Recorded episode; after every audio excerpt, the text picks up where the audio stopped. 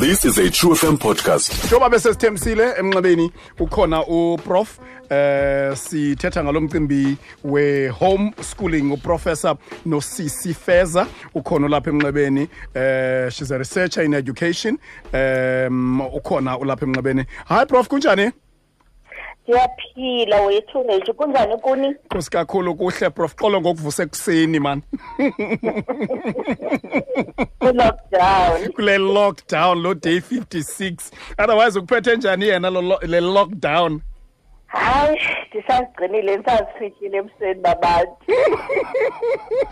sigcine ntombi because asifuna ube si-statistic um look um okokuqala masiqala apha prof uh, the subject sizanayo eh ivele njengobusazi nomphathiswa wemfundo esisiseko umamu Angie Mutsheha as enye ye options kaceba abantu banololoyiko eh lo ubuyisela abantwana ezikolweni zabo but ndithe xa ndiyijonga izolo ndafumanisa hey it doesn't look as easy as as as it seem uh, kubantu aboyikayo masiqala apha kuqala What, what do you make of uh, isigqibo sobuyela kwabantwana baka um, abantwana bakwa baka grade 7 and grade 12 uh, nge-1st kajune um ngokokubona kwam mm. izinto zimbini mm. xa imeko yezikolo zethu ibintle mhm. ibirayithi into yobuyela kwabantwana ingakumbi ezi grade zimbini kuba ugrade seven ngabantwana abaphumayo ngoku eprimary school abaya e-high school mhm. kwesinye isikolo abazushiyeka kwesi sikolo bebekuso mm. ugrade twelve ke siyazi ukuthi ngabantwana ngoku abazawuphuma kwakwischooling besiya kwiyunivesithi abanye besiya kwi-civet colleges mm. xa uyijonga ke yeyona nto ebekumele uba siyayenza ngoku sibajonge sibanakekele ukuze baphumelele ngendlela efanelekileyo bangasokoli kunyaka ozayo apho bayakhona mm. ingxaki qha isekubeni izikolo zethu zizawukwazi nomelana nabo kweli xesha nakule meko yesifo ukuthandaza ke ngoku ekufuneka sikwenzile ukuba urhulumente akwazi into yokuthi izikolo zibe zikhuseleke for aba bantwana bezigrade ezimbini mm. now ivelile ke ezenye yee-options ke azivezileyo umphathiswa lo wemfundo esisiseko eh lento ye homeschooling ndifuna siqala apha qala xa sithetha nge homeschooling sithetha ngantoni xa sithetha nge-homeschooling sithetha ngomzali onalo ikhono lokufundisela ekhaya hmm.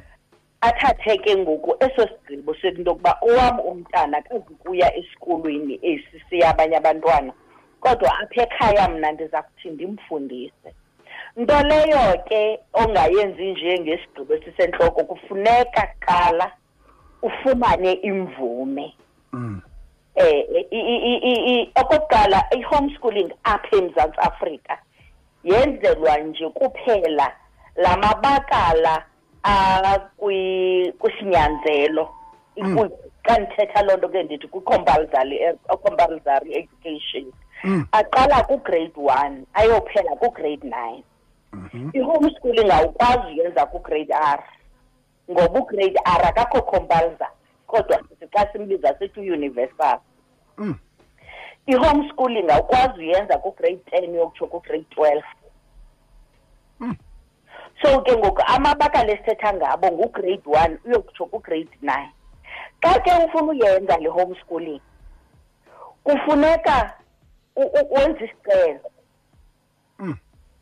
xa usenza esi sicelo kusenza online ngelishwa ukwazi usenza ngoba uhambe uyoma uthi hayi ndifuna ufundisa umntana mekhaya funeka ungene kulaa website kagovernment yakwa-education mm. nothi kule ka-d b e mm. kule iwebsayithi isithi ngu-www education gov za wabufikile ke kulawe kusayithe kunene uzawubona mm. khona ke apho kukho khona ii-forms ekufuneka uzifilishile mm. xa ufilishe ezi forms zizawufuneka wena ufakele uaplode ne-i d yakho wena mzali mm. okanye nina nobabini bazali esekisayiweyo ikopi mm.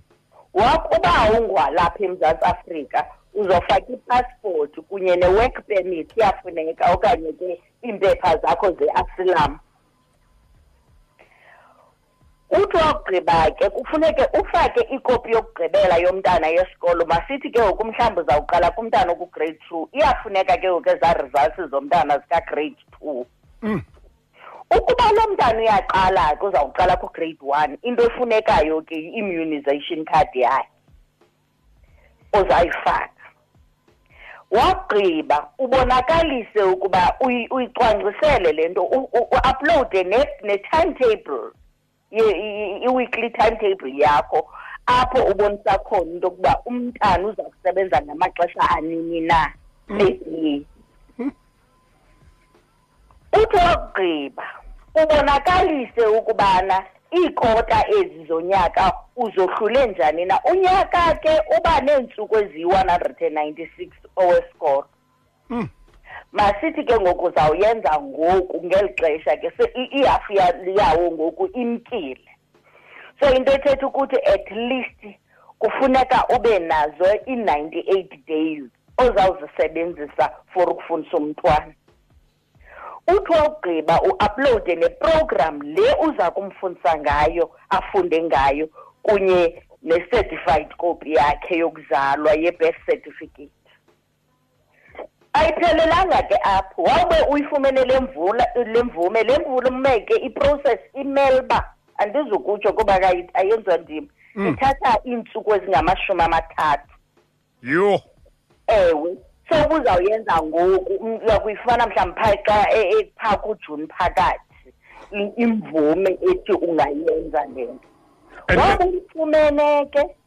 mm. ayihambi nje kufuneka ugcine iirecords kufuneka ugcine i-attendance uba umntana uyafunda ngala maxesha uthe uyafunda ngalo izawubonakala ngantoni na on top of that uzawuba neportfolio yomsebenzi womntana ndibona ke unala file iyohlulwahlulwe ngokwee-subjects ezi umfundisa zona uzawuba neerecords ne, ne ezibonakalisa yonke imihla uba wenza njani nomntana and uqhuba njani uza kubonakalisa uba umasesa njani umvavanya njani na lo mntwana and apha ekumvavanyeni uqhuba njani na uza kubonakalisa ke ngoku ke xa ke ngoku uza kumgcina kude kuphela unyaka kunye nala assessment ii-exams ezi umnike zona nendlela aqhube ngayo uthi wawugqiba ke qho ke masithi ke ubufake uzawufundisa umntana wakho okwi-lower level kwi-foundation phase mm. uprogress iyafuneka xa egqiba ugrade three ebonakalisayo ibi-foundation phase uyimasterishile xa egqiba kwakhona ke ngoku phaa kwi-middle school uyibonakalise kuphela kagrade six kuba iyaphela la level uyimasterishile naxa egqiba ke ngoku kugrade nine ubonakalisa uba umntana umasterishile so uyayibona ke mos le ngutishara le nimelana nomntana ekhaya yo yo yo hey hey prof yo and lento ndiyiva ngonje buyicacisa nje ayikho as easy as most people had imagined no ayilunanga and akufunekanga wena mzali uzitotisele uthi uzawukwazi mm. ngoba le iyalisifuna isakhono iyamfuna umzali o-organize and ifuna nomzali ozimisele ukuzamfundisa umntana khumbula kaloku Mm. umntana unamalungelo ukuba afunde mm, mm, mm, mm, mm, mm.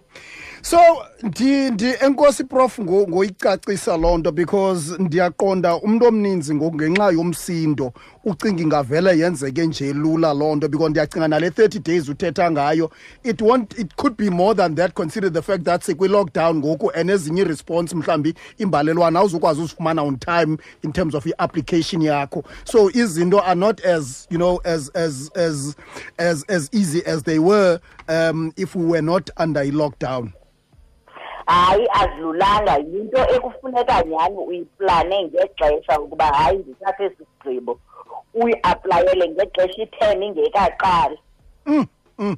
olright hayi prof enkosi kakhulu ngexesha lakho siyabulela um eh, siye sacacelwa kakhulu ngethemba le nto yoba abazali bavile ke ngoku and bazawubona into yoba mabathini because xa ndiyijongile nyhanyhani yona um umntu omninzi akanayo ichoice kuvele nje siqinisekise into yoba um masithembe idepartment nathi siqinisekise into yoba abantwana bethu sizawubafundisa kangangoko sinako because eli xesha as well ndiyaqonda ungangqinelana nam kule masingalisebenzisi nje ekuncediseni abantwana ngee-homeworks but it's also very important for us into yoba sibafundise iinto ezithile ezibalulekileyo amabazenze nababangazenzi ezinento okwenza nokukhuseleka kwabo ingakumbi xa bezawubuyela esikolweni kunjalo hmm. kunjalo umsasazi wam olright professor nosisi feza professor ne-researcher in education enkosi kakhulu ngexesha lakho mama enkosi kakhulu bhabha nibe nemini emnandi nonwabe nani mam nibe safe find us online on qfm co za